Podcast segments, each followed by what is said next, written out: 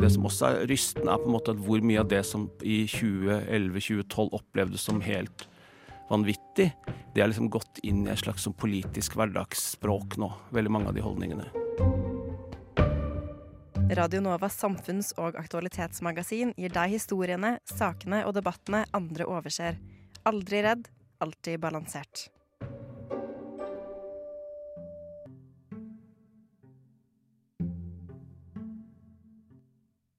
Akkurat som det første kommersielle flyet, som denne uken lettet fra Kabul Airport, har òg denne uken flydd forbi opplysningens nyhetsdesk. Og i stolt tradisjon betyr det at er duket for nok en fem på fem, fem kjappe saker på fem minutter, selv om det som oftest tar litt lengre tid enn det. Vi dykker ned i første sak. Det ble mildt sagt furore i Frankrike forrige uke, og sentralt i striden står ubåter. Frankrikes utenriksminister gikk forrige uke ut og sa at han følte seg dolket i ryggen. Grunnlaget for dette var at Australia i 2016 bestemte seg for å kjøpe tolv ubåter av et fransk selskap til den nette verdi av over 550 milliarder norske kroner.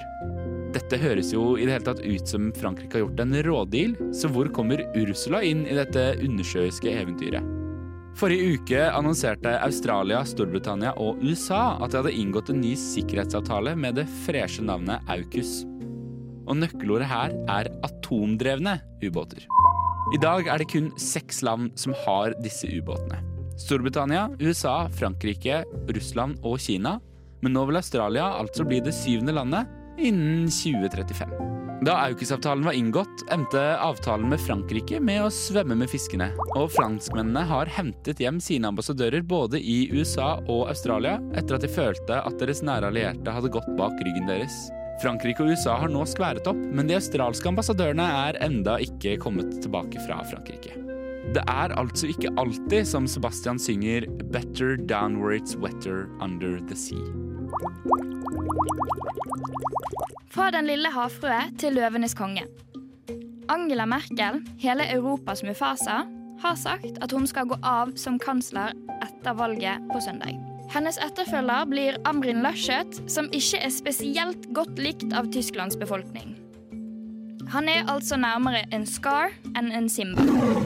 Partiet hans, CDU, som kan på norsk forklares som Kristendemokratene, har falt betraktelig i meningsmålingene siden sist valg.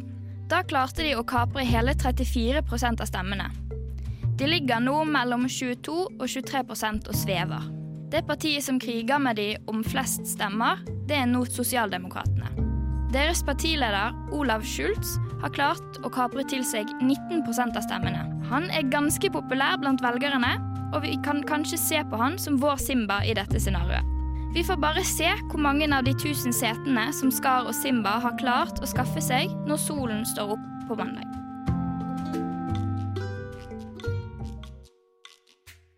Fra valg i Tyskland til valg i Canada.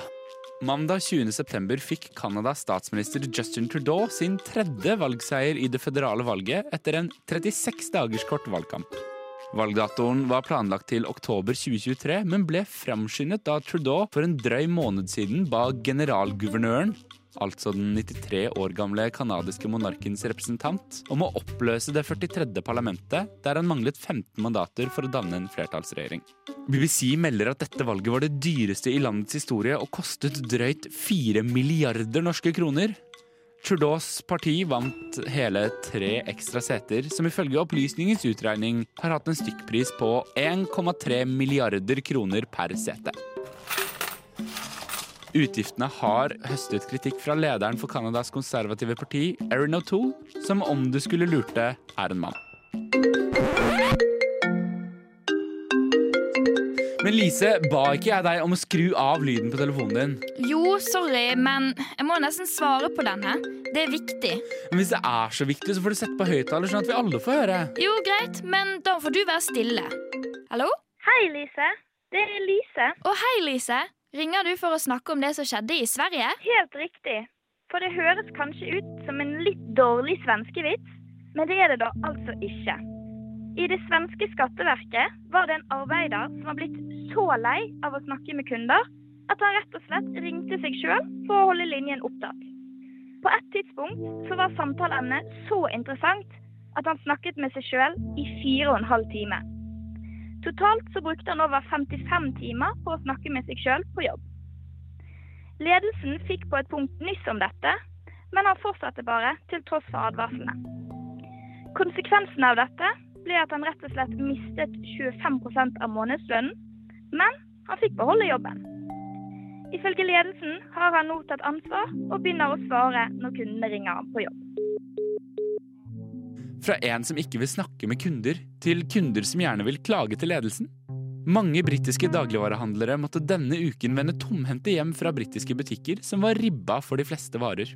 Bildene av mennesker som står foran tomme butikkhyller, minner kanskje mer om en postapokalyptisk TV-serie enn nyhetsbilder. Men hva har ført til apokalypsen i utgangspunktet? Apokalypsen finner sted i et Europa der prisene på gass har tidoblet seg det siste året, som har ført til at Storbritannia har en CO2-mangel. For også dette er mulig i 2021. Dette fører til at varer ikke kommer frem til butikkene, samtidig som britene mangler gass, som står sentralt i produksjonen av bl.a. brus. For å bygge videre på det apokalyptiske bildet har BP, en av Storbritannias største oljeleverandører, stengt over 1200 bensinstasjoner fordi de ikke får inn nok diesel og 95 blyfri. Kombinerer du dette med kraftig stigende strømpriser, er det lett å sitere Ned Stark 'Winter is coming'.